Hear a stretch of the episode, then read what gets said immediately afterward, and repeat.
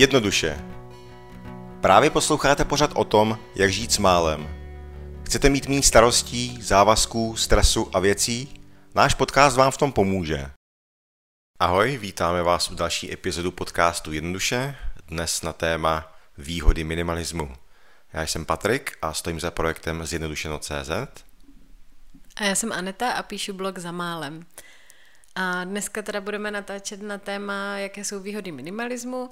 My si zatím ty témata vybíráme tak nějak sami, jak nás to napadá, ale určitě bychom byli moc rádi, kdybyste nám i vy třeba do komentářů eh, na Facebooku napsali, co by vás zajímalo, abychom to mohli trochu víc přizpůsobit eh, vám.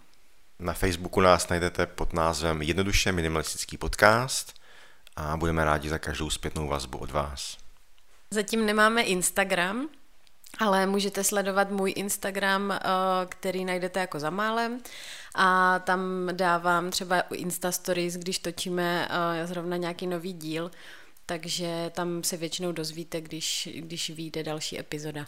A pojďme na dnešní téma. A ještě než se pustíme do těch samotných výhod, tak uh, bych možná objasnila, proč jsme zrovna dneska zvolili tady tohle téma. A je to proto, že uh, zatím jsme úplně moc nemluvili o tom, uh, proč byste se do toho minimalismu měli pustit, proč byste to měli zkusit, co by vám to mohlo přinést. A tak jsme vybrali uh, ty nejzásadnější výhody, které my dva spatřujeme v tom našem životě, které nám minimalismus přinesl a co si myslíme, že by mohlo hodně uh, zjednodušit život i vám. Uh, pro mě třeba jedna ze zásadních výhod minimalismu je, že mi šetří čas. Já vlastně tím, že jsem se začal soustředit na to, co je pro mě důležitý, ujasnil jsem si priority, tak dělám mnohem méně věcí, Dřív jsem byl typem člověka, který musel být na všech akcích, na který byl pozván. Musel jsem vidět všechno, zažít všechno. A nebyla vůbec výjimka, když jsem měl třeba tři akce za jeden večer. Samozřejmě, že jsem si ten večer vůbec neužil, protože jsem byl hodinu tam, pak jsem nějak cestoval, pak jsem byl hodinu zase jinde. A vlastně jsem z toho večera vůbec nic neměl. No a pak jsem si nějak eh, díky minimalismu právě uvědomil, že už toho tolik nepotřebuju. Takže dneska mám v podstatě těch zážitků míň, ale za to jsou hlubší a mnohem intenzivnější a hlavně si je můžu prožít. Jak to máš ty, Aneto? Jo, já určitě souhlasím, eh, co se týče těch akcí.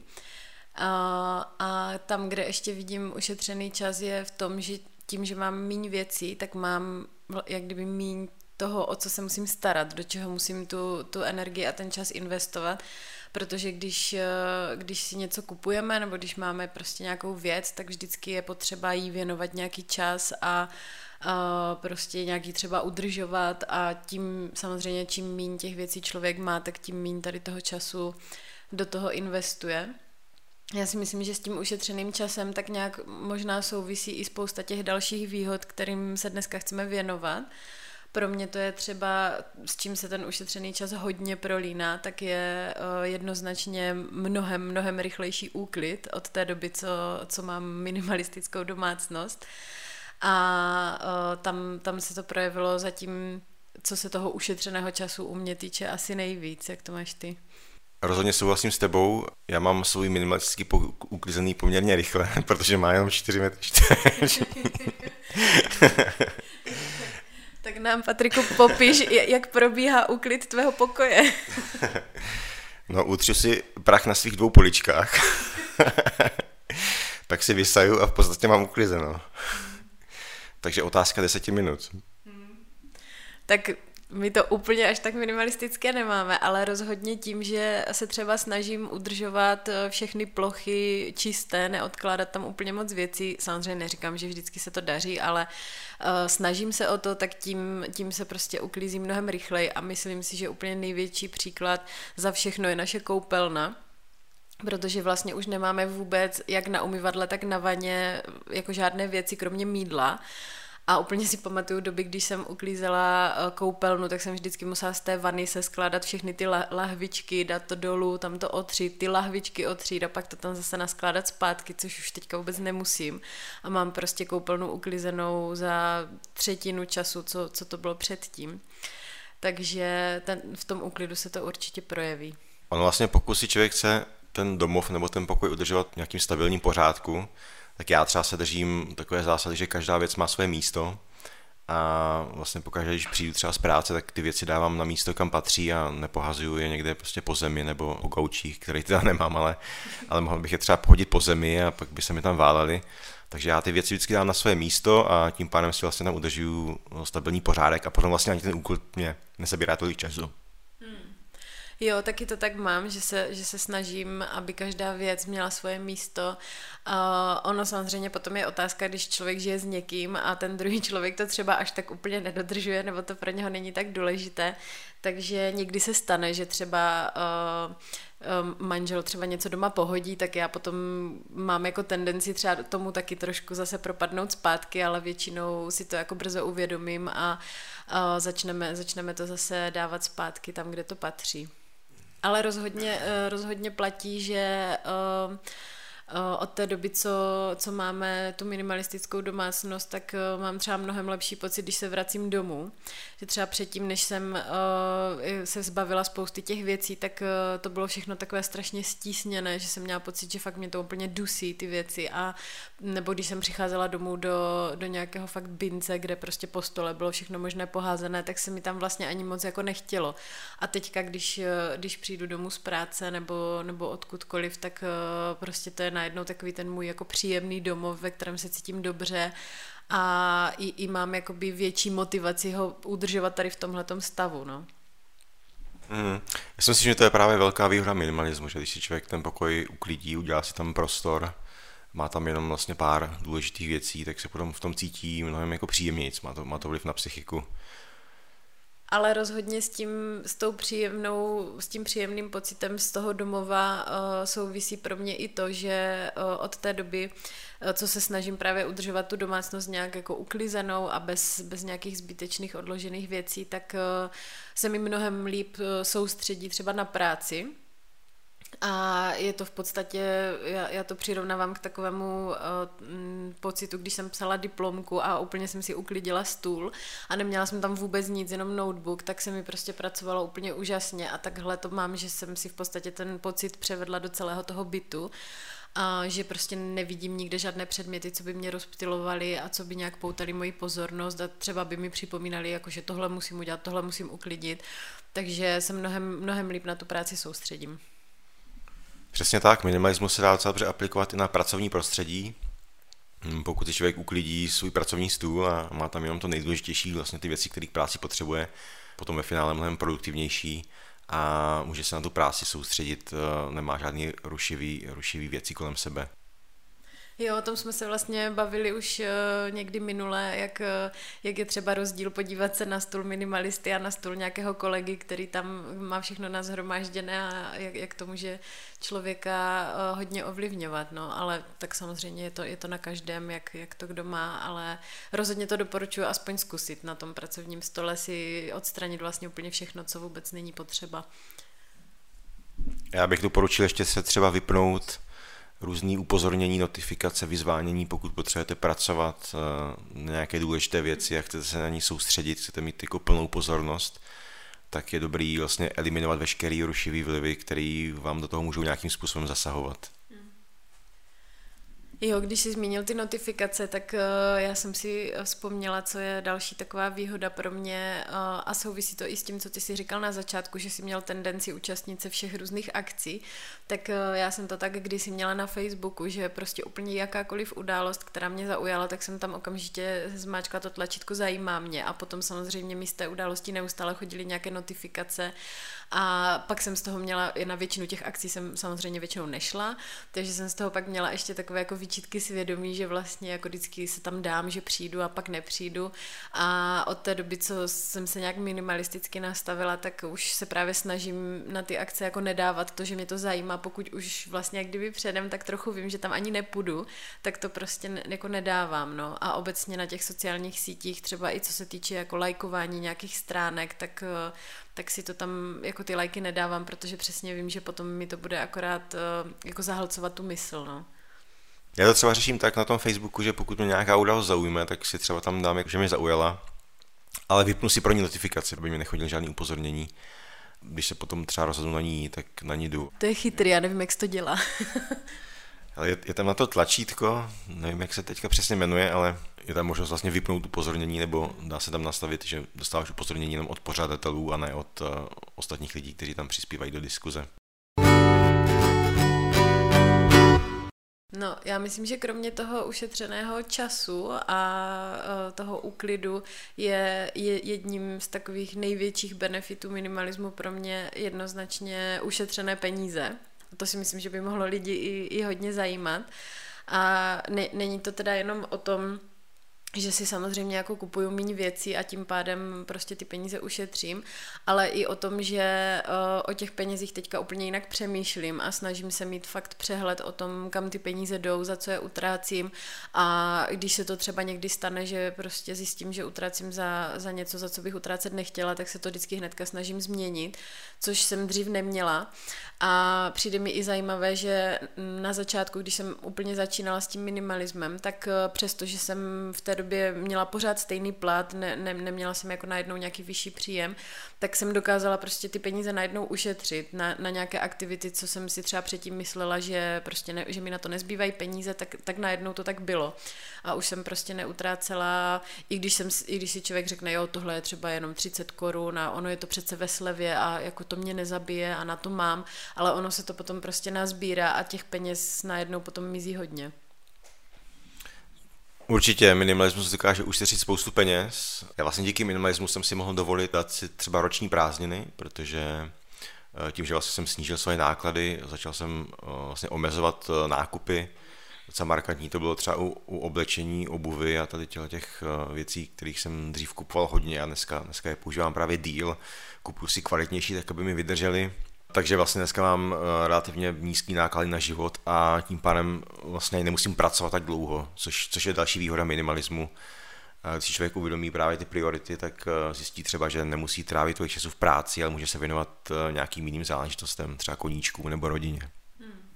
Jo, já rozhodně souhlasím. Já, já teďka sama, sama pro sebe mám takový experiment, protože uh, jsem si snížila v práci úvazek, takže mám samozřejmě teďka nižší příjem a snažím se to brát pro sebe jako takovou výzvu a zjistit, uh, s, s jakýma financema jsem schopná měsíčně nějak výjít a přijde mi to, přijde mi to fakt zajímavé, protože přemýšlím poslední dobou nad tím, že vlastně lidi jsou hodně nastavení, že, že člověk by měl prostě pracovat 8 hodin denně a že by to tak mělo být, ale přitom to je prostě nějaký koncept, který je tady zavedený úplně jako hrozně dlouho a myslím, že, že spousta lidí to jak jako nekriticky přijímá a třeba je ani nenapadne, že by to mohlo být jinak, že, že by třeba mohli mít nižší úvazek, což samozřejmě znamená jako nižší peníze, ale taky se můžou třeba uskromnit a prostě nějak jako víc přemýšlet nad těma financema a tím pádem mít vlastně víc toho volného času a věnovat se tomu, co je pro ně důležité a co je baví. Jak si právě mluvila o té pracovní době, tak eh, já teďka právě připravuju hm, prezentaci pro svůj nový kurz Jednodušší podnikání. Právě mě zajímalo, kolik času trávíme v práci. Eh, koukal jsem na nějaké statistiky a třeba v České republice je zajímavé to, že my pracujeme téměř o 10 hodin týdně víc než třeba v Holandsku většinou ten průměr jako navyšují právě lidi, kteří třeba pracují jako OSVČ, kteří jsou podnikatele, tak eh, mají tendenci pracovat výrazně víc než třeba zaměstnanci. No, mě, mě třeba tady na to téma přijde zajímavé, jak v některých zemích, tuším, že ve Švédsku se, se, se přemýšlí o tom, že se zavede, nebo jestli už se to snad zavedlo, teď nevím, ta šestihodinová pracovní doba. A uh, vím, že to bylo snad podložené i nějakýma výzkumama, že lidi, přestože prostě že jo, mají tu 8-hodinovou pracovní dobu, tak stejně jako opravdu ten, ta efektivní práce nebo ten čas, který čistého času věnují té práci, tak většinou stejně těch 8 hodin není. A myslím si, že se to teda týká hlavně lidí, kteří pracují třeba v kanceláři, kdy má, máme tendenci prostě surfovat po internetu, dívat se do nějakých e-shopů a jako nevěnovat úplně stoprocentně tu, prá- tu pozornost té práci. A já to mám třeba i na sobě vyzkoušené, že když vím, že ten daný den mám míň hodin na tu práci, tak toho paradoxně udělám mnohem víc, protože vím, že třeba musím ve dvě už někde být, ale takhle, když člověk ví, že vlastně no, tak od 8 do půl páté, to je hrozně moc času a potom to ztrácí jako všude jinde, takže uh, si myslím, že, že určitě je, fajn se nad tím zamyslet, jestli je fakt potřeba těch 8 hodin denně tam trávit v té práci. Třeba další výhoda, kterou mi minimalismus přinesl, tak je takový jakoby pocit vlastně svobody a nezávislosti. Tím, že těch věcí mám míň a nemusím se o ně starat, tak si můžu víc užívat právě třeba různých aktivit a můžu se víc věnovat tomu životu samotnému. S tím hodně souvisí třeba cestování, což je pro mě osobně oblast, kde vidím ty výhody minimalismu asi úplně největší, když porovnám vlastně tu dobu, kdy jsem cestoval s kufrem na kolečkách a dneska vlastně, když cestuju s ultralehkým batohem, tak právě tam vidím obrovskou svobodu v tom, že si můžu rozhodnout vlastně kam půjdu. Pamatuju si třeba na situaci, kdy jsem jednou jel do Německa na nějaký festival a vzal jsem si kufr na kolečkách, protože jsme tam jeli autem, ale to auto jsem samozřejmě musel zaparkovat někde daleko od toho festivalu, pak, pak jsem se hrozně trápil s tím, že jsem ten kufr musel vlastně přenést přes eh, nějakou kamenitou cestu a ještě po té louce, tak to nebylo úplně příjemný. Hmm. Eh, tím nechci říct, že jako kolečkový kufr je špatný, ale je dobrý si vždycky jako říct, kam vlastně člověk jede a co tam bude dělat. Hmm. A dneska tím, že cestuju jenom vlastně s malým baťuškem, tak mi to dává obrovskou svobodu v tom, že eh, tyhle věci už vlastně nemusím řešit. Hmm. No já úplně s tím souhlasím. My jsme teďka byli tři týdny na Sri Lance a byli jsme tam v podstatě jenom uh, s batohama, s tím, že manžel měl fakt jenom jako takový ten pří, tu příruční velikost.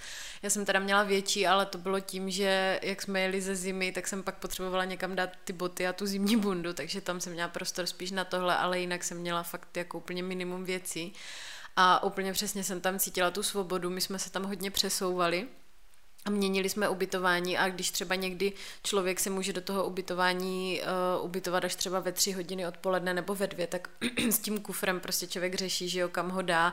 Neumím si úplně představit, že by šla s, kole, s kolečkovým kufrem třeba na pláž, což prostě s tím batohem vůbec nebyl problém a byli jsme úplně, úplně jako svobodní a nemuseli jsme tady toto řešit. Jak k tomu přidám ještě jednu historku právě z mé cesty, když jsem byl v jihovýchodní Azii. Já většinou cestuju sám, a mám rád nocování v takových těch baťuškářských hostelech, kde právě člověk nemá třeba tolik klidu jako na hotelovém pokoji, ale zase tam potká spoustu zajímavých lidí z celého světa. A byl tam právě jeden člověk, eh, který jako se chtěl ke mně připojit. Já jsem v tu dobu právě mířil do Národního parku v Malajzii. Nicméně problém byl v tom, že on měl právě kufr na kolečkách a já jsem mu říkal, hele, jako já půjdu do džungle, jo, tam jako nejsou asfaltové cesty, jo, tam budeš muset chodit prostě přes kořeny po šutrech a po schodech a tak a ho napadlo úplně geniální řešení, že si vlastně koupí, koupí batoh, který bude větší než ten kufr a ten kufr strčí do toho batohu a dá si to na záda. Nakonec to teda nezehnal, ale stal se z něho minimalista, protože ten kufr nechal někde před tím národním parkem a pak tam šel vlastně jenom úplně na lehko. Mně hlavně přijde, že tady u toho cestování, když se člověk rozhodne cestovat s málem, tak vlastně zjistí, že opravdu spoustu těch věcí vůbec nepotřebuje a že, že fakt jako dokáže být tři týdny, měsíc eh, s tím malinkým obsahem toho batohu a potom, když přijede zase zpátky domů, tak si říká jako no jo, teď já jsem úplně zapomněla, že třeba tady toto vůbec mám a že mi to fakt vůbec nechybělo, takže eh, tohle je určitě taky jedna z výhod, co si člověk potom uvědomí, že se dá cestovat úplně, úplně jinak no, a nalehko. Vlastně další výhodu, kterou tam vidím, a nejenom teda v souvislosti s cestováním, tak je eh, nějaký ekologický dopad. Jo, ono u toho cestování je pak samozřejmě otázka toho, že já hodně často vidím, eh, když sleduju nějaké ty zero waste eh, blogery, youtubery, tak když potom třeba někam cestují a cestují letadlem, tak vždycky schytají strašně moc hejtu za to, že jako o co se tady snažíš, nějaké zero waste, když potom někam letíš letadlem, které samozřejmě má hrozně velkou tu ekologickou stopu ale já zase si, si vždycky představuju, že jak by to jako vypadalo, kdyby si každý řekl, no jo, tak já poletím letadlem, tak se vykašlu na celou ekologii a nebudu třídit odpad a budu prostě to tady všechno jako vyhazovat a můžu se na to vykašlat, tak to mi přijde, že to úplně jako nemá vlastně pointu, no, tady ten, jako samozřejmě, že když by někdo cestoval letadlem asi třikrát týdně, tak to úplně jako není fajn, ale uh, myslím si, že když se prostě člověk omezuje ve spoustě dalších věcí a žije minimalisticky a prostě nekupuje, nekupuje blbosti, nekupuje si každý týden nebo každý měsíc nové oblečení, které mimochodem textilní průmysl má jako jako obrovský dopad na životní prostředí, tak si myslím, že jednou za čas prostě tím letadlem si může někam zaletět. Jo, s tím souhlasím. Já si myslím, že dobrý všechno dělat v rozumné míře. Jo. Hmm. Jak říkáš, pokud člověk cestuje třikrát týdně letadlem, tak je to asi na zvážení. Já se snažím právě třeba u těch krátkých vzdáleností využívat pozemní dopravu, jednak z toho důvodu, že to je ekologičtější a jednak z toho důvodu, že to je vlastně i zajímavější. Když jedu vlastně po té zemi, tak můžu koukat, to, co je kolem mě a třeba potkám nějaký zajímavý lidi, hmm. což se v letadle většinou nestává. Hmm. Já jsem si ještě teďka vzpomněla k tomu, jak jsme se bavili o těch ušetřených penězích, tak ty si tam sám zmiňoval, že se vlastně snažíš zaměřovat spíš na ty kvalitnější věci, co ti dlouho vydrží. Tak uh, tam mám třeba úplně konkrétní příklad, kdy uh, jsem předtím, než jsem se začala nějak zajímat o minimalismus, tak jsem měla úplně každoroční problém se zimníma botama, které se mi prostě vždycky po jedné sezóně rozpadly. A už jsem z toho byla zoufala a prostě vždycky jsem si říkala, že, že jako si každý rok musím kupovat nové boty, ale zároveň jsem si říkala, no ale já přece nemám třeba 3-4 tisíce na nějaké takové jako kvalitnější boty, že to je prostě hrozně moc peněz. No ale potom jsem si uvědomila, že když člověk prostě jednou investuje tady tu velkou částku, tak eh, potom mu ty boty vydrží třeba 5-10 let a opravdu teďka mám prostě zimní boty už čtvrtou sezónu a pořád jsou úplně ve stejném stavu, v jakém jsem si je koupila a vlastně ty peníze, když to spočítám, co bych investovala do každoročně nových zimních bot, tak už dávno jako převýšili tu, tu částku, za kterou jsem si je původně koupila. Takže tady tím směrem se snažím hodně uvažovat a kdykoliv uh, si prostě kupuju nějakou novou věc, tak přemýšlím nad tím, uh, aby prostě vydržela hrozně dlouho a snažím se jako vždycky si hledat to, co je kvalitní, i když to třeba právě stojí víc peněz, ale paradoxně ve výsledku potom člověk ušetří. Ono třeba i u těch kvalitních věcí uh, se dají využít různý jako výprodeje nebo outlety, nebo dá se koupit třeba i z druhé ruky, jo. pokud je to kvalitní věc a ten člověk to nosil třeba pár měsíců, tak uh, to může být v docela dobrým stavu a koupit je to třeba za poloviční cenu. Já si taky myslím, že se do toho vyplatí investovat. Já jsem si třeba koupil trackové boty před asi šesti rokama, který stály taky třeba trošku víc peněz, ale vlastně vydrželi mi do dneška. Jo? Když už se třeba trošku rozpadají, tak pořád je nosím, že ta kvalita jako tam opravdu je a můžu se na ně spolehnout. Hmm. A ještě, ještě u toho bych ráda zmínila, že eh, tím, že mám těch věcí mnohem, mnohem míň, tak uh, najednou vnímám, že si těch věcí víc vážím a více o ně starám. A konkrétně třeba zase dám ten příklad těch bot, kdy já jsem prostě o boty jsem se nikdy nestarala, vždycky jsem měla boty po, po jedné sezóně ve hrozném stavu a teďka prostě, když jsem si koupila ty jedny kvalitní, do kterých jsem investovala hodně peněz, tak se fakt o ně starám a udržuju je, aby, aby vydrželi dlouho. A mám i takový jak kdyby větší pocit vděčnosti za ty věci, nebo nevím, jak to mám jakoby popsat, ale že fakt si toho mnohem víc vážím a není to pro mě takové to spotřební zboží, kdy si řeknu, jo, tak stálo to tři stovky, tak i kdyby se mi to za měsíc rozpadlo, tak, tak, to, ne, tak to nebyly žádné peníze. Jakože prostě se na to už dívám úplně jinak. No, když si vlastně člověk koupí kvalitní věc, tak uh, se pak o ní logicky líp stará, protože do ní investoval nějaký peníze a nechce, aby se mu rozpadla hnedka po pár měsících. Zároveň si ale myslím, že jsou třeba lidi, kteří, pokud si to můžou dovolit, tak uh, můžou těch kvalitních věcí mít hodně a tím, tím že jich máš hodně, tak, uh, tak si toho potom tolik nevážíš. No. Myslím si, že když má někdo třeba 30 párů bot, tak prostě o ně nebude tak pečovat, jako když má třeba jenom jeden, jeden pár na zimu. Já to třeba vyloženě tak mám, že mám vlastně vždycky jedny boty na každou tu sezónu, žádné jiné nemám a opravdu díky tomu se prostě o ně musím jako hodně starat, aby byly v dobrém stavu. A, ale mnohem víc mi to tak vyhovuje, protože byly doby, kdy jsem těch bot měla úplně, úplně strašně moc a přesně to tak bylo, že to bylo pro mě úplně takové spotřební zboží.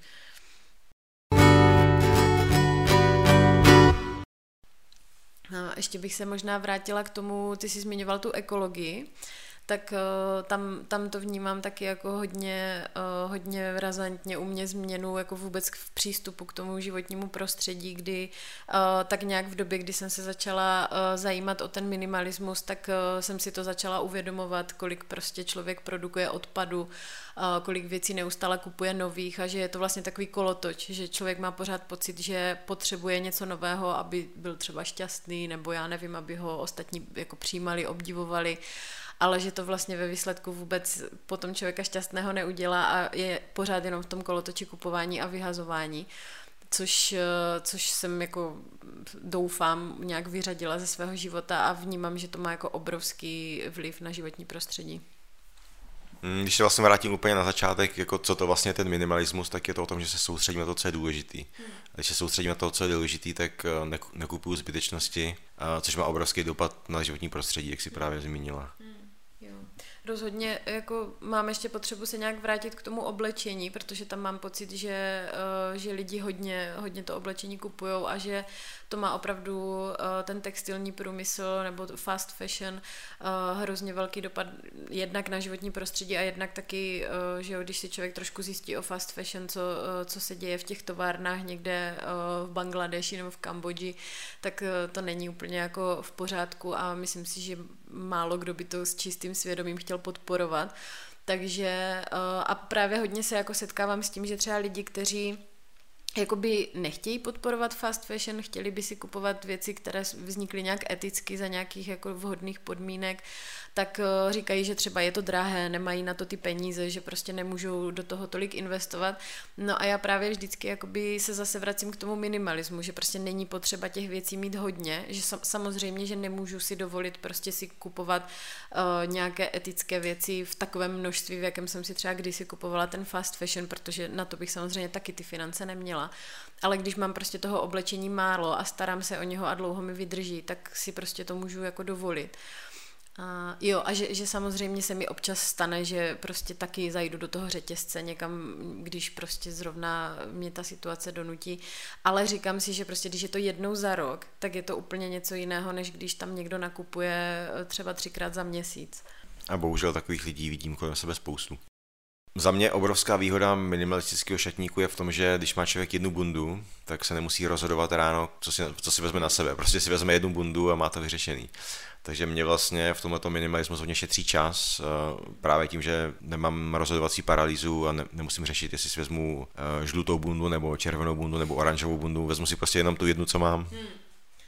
No, s tím rozhodně souhlasím. Já jako bývalý šopaholik určitě jako mám k tomu hodně co říct. A měla jsem kdysi strašně moc třeba i bižuterie a potom jsem měla výčitky, že to nenosím a že jsem to třeba od někoho dostala a prostě teďka mám jedny naušnice a jsem úplně šťastná a prostě vůbec to nemusím řešit. Ale ještě mě napadlo k tomu ušetřenému času, co taky ještě souvisí s tím nakupováním, je právě to, že tím, že jako nemám potřebu chodit do těch nákupních center, tak taky jsem tím ušetřila ten čas, protože vím, že si pamatuju, kdy byly doby, kdy třeba byla sobota a říkala jsem si, no tak nemám co na práci, co bych tak, no tak zajedu si někam do nákupního centra a vlastně jako obecně si myslím, že člověk to hodně vidí, jak lidi tráví svoje víkendy v nákupních centrech a někdo to dokonce bere jako za, za prostě rodinné odpoledne, jakože vyjedeme si tady do Olympie, dáme si něco a vlastně jako teďka mě to úplně děsí a jako když už teda tam musím jet, tak většinou se na to musím úplně psychicky připravit a prostě radši teďka ten víkend věnuju tomu, že pojedu někam na výlet, ale rozhodně ne prostě někam nakupovat. Já bych ještě chtěl zmínit, že eh, minimalismus taky dokáže hodně pomoct při stěhování. To je taková oblast, kterou většina lidí nemá moc ráda, považuje ji za stresující, vyčerpávající, finančně náročnou.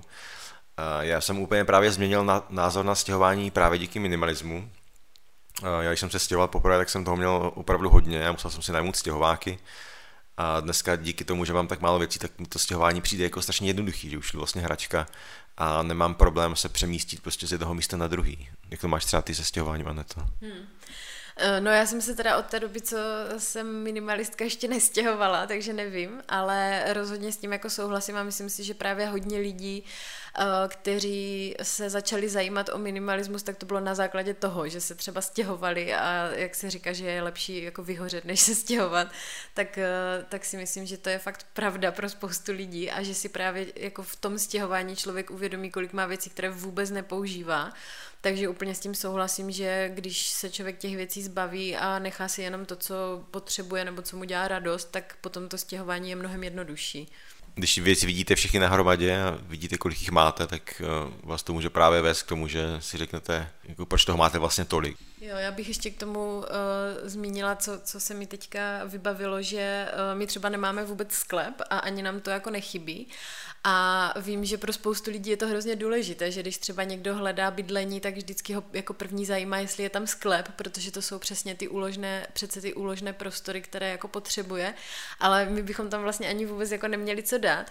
A když se nad tím jak kdyby víc zamyslím, tak mi to i trošku připadá jako nesmysl, protože přece když něco dáš jako do sklepa, tak to vůbec nemáš na očích a třeba rok na to nešáhneš, nebo rok možná ještě v tom lepším případě. Myslím si, že spousta lidí tam má věci, na které nešáhl 10 let a ani neví, že je tam má.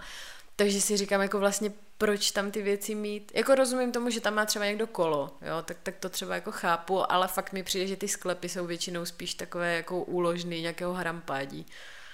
Já jsem si teďka právě, jak jsi mluvila o tom sklepě, tak jsem si právě vybavil náš sklep, eh, který jsme měli, když jsem ještě byl u rodičů. Moji rodiče docela rádi jako zavařovali, dalo by se říct, že tak 80% našeho sklepu tvořili zavařeniny. A můžu říct, že někteří tam nežili třeba 10 let a nikdo si jich nevšiml, takže... Jo, já si, já si myslím, že u nás to teda bylo hodně podobné a teďka jsem právě měla zkušenost, když jsme, uh, když jsme uh, připravovali svatbu, tak jsem chtěla nějaké zavařovací sklenice, které bych použila jako vázy a právě naši říkali, no tak si zajdi do sklepa, tam toho máme hrozně moc. A přesně to bylo, že už tam teda nebyly ty zavařeniny, ale byly tam ty prázdné zavařovací sklenice, kterých bylo prostě desítky. A jako pochybuju, že, že tam prostě jako naši chodí a k něčemu je používají, takže fakt, fakt si myslím, že to je taky k zamýšlení, že, že to vlastně taky člověku jako bere čas. Já třeba vím, že moje tchyně už několikrát mluvila o tom, že právě, že to je její jako dlouholetý rest, že by chtěla ten sklep jako vyklidit a to je prostě něco, co člověka potom tak nějak jako tíží, že to má pořád v hlavě a pořád na to myslí a říká si, no jo, a mě se do toho nechce a teď tomu musí obětovat třeba celý víkend, takže to je rozhodně taky výhoda, když člověk prostě nemá tady to harampádí, tak se o to nemusí starat a nemusí ho to trápit. Ono ještě třeba u těch potravin, týká se to teda nejenom zavaření, ale vlastně jakýchkoliv potravin, který si člověk doma skladuje. Pokud jich má jako příliš a neví vlastně, co kde má, tak potom ztrácí ten přehled a stává se, že ty potraviny se potom třeba skazí a musí je vyhazovat. Takže já zastávám názor, že je lepší těch potravin mít doma míň a vede to potom k tomu, že neplýtvám jídlem a nemusím to jídlo vyhazovat. Jo, to určitě. Eh, já bych se možná ještě vrátila k tomu, eh, jak jsme se bavili o těch ušetřených penězích a o té ekologii, protože podle mě eh, to spolu taky hodně souvisí a hned se mi vybavilo právě téma nějaké bezodpadovosti, kdy já vlastně na základě toho, že se snažím snižovat ten odpad a mít tu minimalistickou domácnost, tak jsem spoustu jednorázových věcí, které se musí neustále dokupovat, vyměnila za věci, které se dají používat znovu a znovu. Uh, mám o tom i článek na blogu, nechci jít úplně do nějakých detailů, ale nevím, jsou to třeba odličovací tamponky, které prostě člověk pořád kupuje a když si to spočítá, tak opravdu je to dost peněz. Uh, je to velká zátěž pro to životní prostředí, když se to neustále vyhazuje a já mám prostě už čtyři roky takové, které se dají prát a jsou pořád jako nové a ty finance za to prostě jsem ušetřila opravdu velké, takže uh, to může být taky velká motivace, že, že člověk jako nejenom ušetří peníze, ale i tu, i tu planetu vlastně v jednom a má prostě jednu nějakou investici do, do nějaké věci, která mu vydrží hrozně dlouho. Eh, možná by lidi byli překvapení, kdyby si třeba spočítali, kolik utratí ročně za jednorázový nákupní tašky. Hmm. Ono se to zdá, jako, že to je třeba dvě koruny, pět korun, ale když si to spočítáte za celý rok, tak to může být docela zajímavá částka. Takže máš pravdu v tom, že to dokáže ušetřit opravdu hodně peněz a ještě tam ten bonus v tom, že vlastně tím šetřím životním prostředí. Hmm. Rozhodně a tam, tam bych zařadila třeba i nějaké objednávání jídla, což sam neříkám, že to nikdy neděláme, ale jako snažíme se to hodně omezovat a je to právě jednak z důvodu ušetření peněz, ale i přesně ta ekologie, že prostě to jídlo většinou chodí ve, ve spoustě plastových obalů, plastových taškách a uh, samozřejmě, když by si to člověk spočítal, kolik, kolik do toho dá peněz, tak je samozřejmě mnohem jednodušší uvařit si doma. A já vím, Patriku, že ty uh, si se, se, se tím docela zabýváš takovým jako minimalistickým vařením, že jsi teďka vydal článek o tom, že máš i docela málo nádobí, tak to si taky umím představit, že jako to ti šetří čas, že, že třeba uh, jakoby máš doma fakt jenom to, co potřebuješ, tak jestli bys k tomu mohl něco říct. Eh, mít málo nádobí je podle mě obrovská výhoda, já jsem to zjistil nedávno, když jsem právě to nádobí redukoval. Já jsem měl 8 talířů, zbavil jsem se vlastně sedmi, takže dneska mám jenom jeden. A vidím právě tam v tu výhodu v tom, že se mi to nádobí nehromadí nikde. A mám vlastně jeden talíř, který ho jím veškerý jídla. Potřebuji méně prostoru a nebere mi to vlastně tolik času a energie. Jo, to bych se mohla inspirovat. My toho nádobí máme víc, ale zase je pravda, že my teda používáme myčku, takže tam zase, když bychom měli jeden talíř, tak, tak bychom ji nikdy nenaplnili ale to, to určitě záleží na tom, kolik lidí je v domácnosti a, a na spoustě dalších faktorů, takže, ale rozhodně je to jako inspirativní. A mě ještě napadá jako taková další výhoda, kterou sleduju u sebe, je to, že už nejsem tak moc ovlivnitelná nějakou jakoby reklamou nebo nějakýma výhodnýma, v úvozovkách výhodnýma nabídkama, akcema, že tím, že mám prostě jasně stanovené, že jednak nechci moc chodit třeba do těch řetězců s tím oblečením nebo že, že toho nechci tolik nakupovat, tak už je mi to vlastně úplně jedno. Třeba jako ty akce, kdy, kdysi, když jsem šla kolem nějakého obchodu, kde byl obří billboard 70% sleva, tak jsem tam okamžitě šla a hnedka jsem si chtěla eh, jako něco tam nakoupit a teďka to úplně jako ignoruju, že to jde vlastně úplně mimo mě. Taky jsem si zrušila všechny odběry u, u různých jako e-shopů, ani už tady ty e-shopy a podobně nesleduju na Facebooku, takže uh, mám, mám pocit, že tím se mi taky hodně ulevilo, že prostě nemusím pořád sledovat, jako co je trendy a co je in a co bych si třeba mohla koupit. Jako určitě někdy se to ke mně třeba dostane, ale tím, že mám nastavený takhle ten, ten životní styl a ty priority, že mm, se snažím to nekupovat, tak, tak tím pádem vlastně to potom nekoupím a jsem za to fakt ráda, protože potom to člověk stejně vidí, že to má najednou každý a za půl roku už to zase není in a už je zase něco jiného, že jsem vlastně vůči tomu už taková docela imunní. Ta reklama je samozřejmě dělaná tak, aby vyvolala těch pocit, že si potřebují okamžitě tu věc koupit. Mě docela pomohlo, když jsem si vlastně tu reklamu eh, zablokoval, nezobrazují se mi žádný, eh, žádný reklamní banery a zjistil jsem, že to vlastně dokážu už i jakoby v reálním světě, jako mimo ten online prostor, si těch reklam třeba nevšímat. Jo? Já třeba jako vím, že tam jsou, ale už, už to vlastně nemá na mě žádný vliv a ani mě vlastně nezajímá, co tam napsaný, protože když si něco koupit, tak už vím, co si tu koupit a už jsem vlastně rozhodnutý a nepotřebuju tu reklamu k tomu, abych to rozhodnutí mohl udělat. Hmm. Eh, já jsem, to, já jsem to kdysi měla tak, že jsem třeba eh, si i ospravedlňovala některé nákupy tím, že to prostě bylo levné a že no tak to jsem tam přece nemohla nechat za ty peníze. To i kdyby mi to mělo doma ležet, tak prostě to bylo strašně levné. Jo? A teď si to úplně uvědomuju, jaká, jaká to, jaký to byl fakt nesmysl. A uh, hlavně mi přijde důležité si uvědomit, že i když ty nabídky se můžou jevit jako strašně výhodné, tak pokud tu věc člověk nepotřebuje, tak, tak to není výhodné. Samozřejmě, když scháním třeba mixér a opravdu vím, že ho potřebuju, budu ho využívat a najdu ho v 50% slevě, tak je to super. Ale kupovat si něco jenom proto, že to je ve slevě, tak ten člověk fakt neušetří, protože mně se třeba nejvíc líbilo, když jsem viděla Uh, jak když byl Black Friday, uh, kdy jsou ty největší slevy, tak uh, myslím, že to bylo Greenpeace, kteří měli takovou velkou kampaň, kde, kde psali, že ušetříte 100%, když si prostě nic nekoupíte. A to je přesně jako pravda, no. A přijde mi, že spoustu lidí si to neuvědomuje a potom se zase vracíme k tomu, jako šetřit ty peníze, když prostě člověk má pocit, že si koupil něco levného, že to přece ho nezrujnuje, ale když je to každý měsíc, tak ano, no, tak ho to může zrujnovat. Mě, mě k tomu teďka napadla historka, co mi vykládala jedna moje kamarádka, která uh, žila uh, asi čtyři roky v Americe, studovala tam střední školu. A to byl nějaký výměný pobyt, že přímo bydlela u nějaké americké rodiny. A uh, vyprávěla mi, abych jakoby nastínila třeba ten nadkonzum, který fakt jako v Americe je, je hrozně, hrozně rozšířený, tak uh, mi vyprávěla historku, že ta paní domácí se dívala na televizi a byl tam nějaký teleshopping a nějaká reklama prostě na nějaký mixer nebo něco, tak ona hnedka, to je super, tak si ho objednala. No a potom zjistila, že ona už ho má úplně ten stejný, že už si ho prostě koupila někdy třeba před rokem, ale nikdy v životě ho nepoužila, takže najednou měla prostě dva stejné mixéry, což mi přijde, že je úplně jako šílené, že někdo má třeba doma tolik věcí, že už vlastně o nich ani nemá přehled a koupí si tu věc třeba znovu.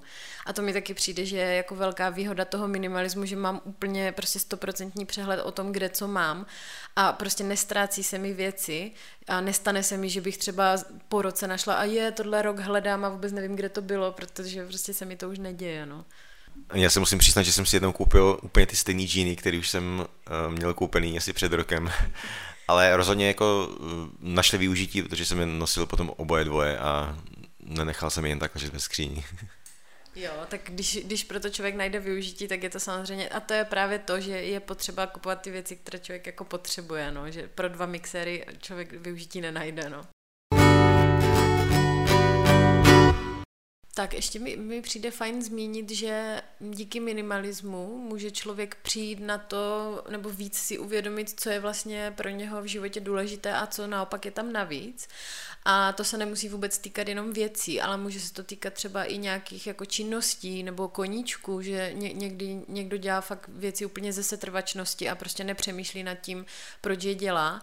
A díky tomu minimalismu, nebo potom, co jsem třeba fakt úplně jako radikálně mm, protřídila věci, co mám doma, tak najednou právě tím, že jsem měla najednou víc času, tak jsem víc nad tím mohla přemýšlet a uvědomila jsem si, že třeba některé věci fakt dělat nechci. Já jsem tehdy na základě toho i změnila práci, na kterou jsem si pořád jenom stěžovala a projevilo se to třeba i ve vztazích, že jsem si třeba uvědomila, že někdy jsem se s některýma lidma stýkala jenom proto, že prostě to tak bylo a nějak jsem jako nad tím nepřemýšlela. A často se mi stávalo, že jsem třeba se s někým ani nechtěla vidět, ale bylo mi to třeba blbý mu to říct, jako no víš, já prostě teďka dneska chci dělat něco jiného a právě díky tomu minimalismu jsem si uvědomila, že fakt chci ten čas věnovat jenom tomu prostě, co mi něco dává a nějak je to pro mě důležité. Tak my jsme vás teďka zasypali spoustou eh, minimalistických výhod a já si myslím, že by bylo fajn na závěr říct i nějaký nevýhody. Tak jaký třeba ty, Aneto, vidíš nevýhody eh, na minimalismu? No, mě k tomu napadá asi teďka jedna věc a to je to, že ale to je nevýhoda spíš jenom pro moje okolí, že třeba pro ně může být jako těžký mi třeba dát nějaký dárek, jakože já, já to třeba fakt myslím vážně, když říkám, já fakt nepotřebuju nic k narozeninám, prostě mám všechno, co potřebuju a jo, když bych dělala nějakou oslavu a napsala těm lidem do události, prostě nic mi nenoste, tak to fakt myslím vážně a mám pocit, že, že lidi to berou jako, že jo, to se tak říká, ale stejně se jako hodí něco přinést. Tak to mi přijde, že je taková nevýhoda, že to může ty lidi stavět do takové jako nepříjemné pozice, že je jim to třeba nepříjemný jako nic nepřinést, ale zároveň jako ví, že jsem teda ta minimalistka, že vlastně nic nechci, tak to mě napadá jako taková nevýhoda. Jo, já mám stejný problém, taky vlastně spousta lidí má potřebu mi jako dávat nějaké věci a když já jim třeba udělám nějakou laskavost, tak mají, mají vlastně potřebu mi to nějakým způsobem oplatit, nějakým dárkem. Někdy se přiznám, že je docela těžký jako by to odmítat. Je potřeba to udělat citlivě, nějak tomu člověku naznačit, že jako jsme minimalisti a že ty věci prostě nepotřebujeme, ale uznávám, že někdy je to těžký. Samozřejmě je dobrý jako s těma lidma komunikovat o tom, no. pokud je to někdo, kdo, dává věci pravidelně a vy je nechcete, tak je dobrý si to s ním jako vyříkat. Hmm. Jo, já teda musím říct, že mě v tom asi hodně pomohlo to, že píšu ten blog, protože třeba uh, moje rodina ho čte, takže, takže si tam třeba můžou jakoby pořádně jakoby pochopit ty důvody, proč to vlastně dělám, proč to tak mám, že si myslím, že tam na tom, jako v té písemné formě je to tak jako vysvětlené líp, než bych to třeba dokázala jim vůbec říct. Takže v tom mi to třeba pomohlo, takže jestli třeba někdo z vás s tím taky bojuje, tak jim můžete dát přečíst nějaký článek o tom, aby tomu jako víc porozuměli. Ale nevím, nějaká další nevýhoda mě asi nenapadá. Možná by mohla být nevýhoda, že když má minimalista málo oblečení, takže třeba nenaplní práčku. Já vím, že se nás na to někdo ptal na tom našem festivalu, posled, no, prvním vlastně, prvním a zatím posledním, a že, že když člověk žije sám a má těch věcí málo, má třeba jedny kalhoty a teď jakoby potřebuje si je vyprat, tak nevím, jestli třeba ty se s tím potýkáš. A já osobně třeba s tím problém nemám. Mně se podaří vždycky tu pračku naplnit docela dobře a dá se tam vlastně spustit i poloviční program, pokud toho hmm. prádla jako je míň. Hmm. Takže já vždycky prostě počkám, až toho prádla mám hodně, nebo minimálně třeba na polovinu pračky a teprve o tom jí pouštím. No, tak, takže asi jenom jedna nevýhoda. Takže minimalismus má jenom samé výhody. A já jsem tady zmínila ten festival, tak uh, možná bych ještě uh, vás ráda pozvala na náš druhý minimalistický festival, který se bude konat v září. A určitě přijdou další informace o tom, kdo tam bude, co tam všechno přesně bude, ale uh, ten, ten první ročník, který jsme měli, tak si myslím, že měl docela úspěch, bylo tam hodně lidí, ta zpětná vazba byla většinou pozitivní, to, co bylo negativní, tak si myslím, že z toho jsme si vzali nějaké uh, ponaučení a že se budeme snažit, aby to bylo letos ještě lepší. Takže určitě sledujte uh, na Facebooku naší stránku Stačí málo, tak se jmenuje ten festival, jmenuje se Stačí málo a dozvíte se, co pro vás chystáme letos. Chceme to posunout na další úroveň, takže pro vás chystáme nějaký workshopy, takže to bude mnohem zajímavější než ten minulý ročník. A určitě čtě, čtete taky naše blogy, nebo doufám, že je čtete. Mě najdete na www.zamálem.cz A mě na zjednodušeno.cz Tak jo, tak já myslím, že pro dnešek už jsme to tak nějak pokryli, co jsme chtěli říct, jsme řekli. Doufáme, že jste si tady ten díl užili. Zatím ještě nevíme, o čem bude ten další, ale tímto vám dáváme prostor, abyste nám napsali do komentářů, co by vás zajímalo a my se budeme snažit to zrealizovat. Užijte si krásné minimalistické jaro a budeme se těšit na slyšenou příště.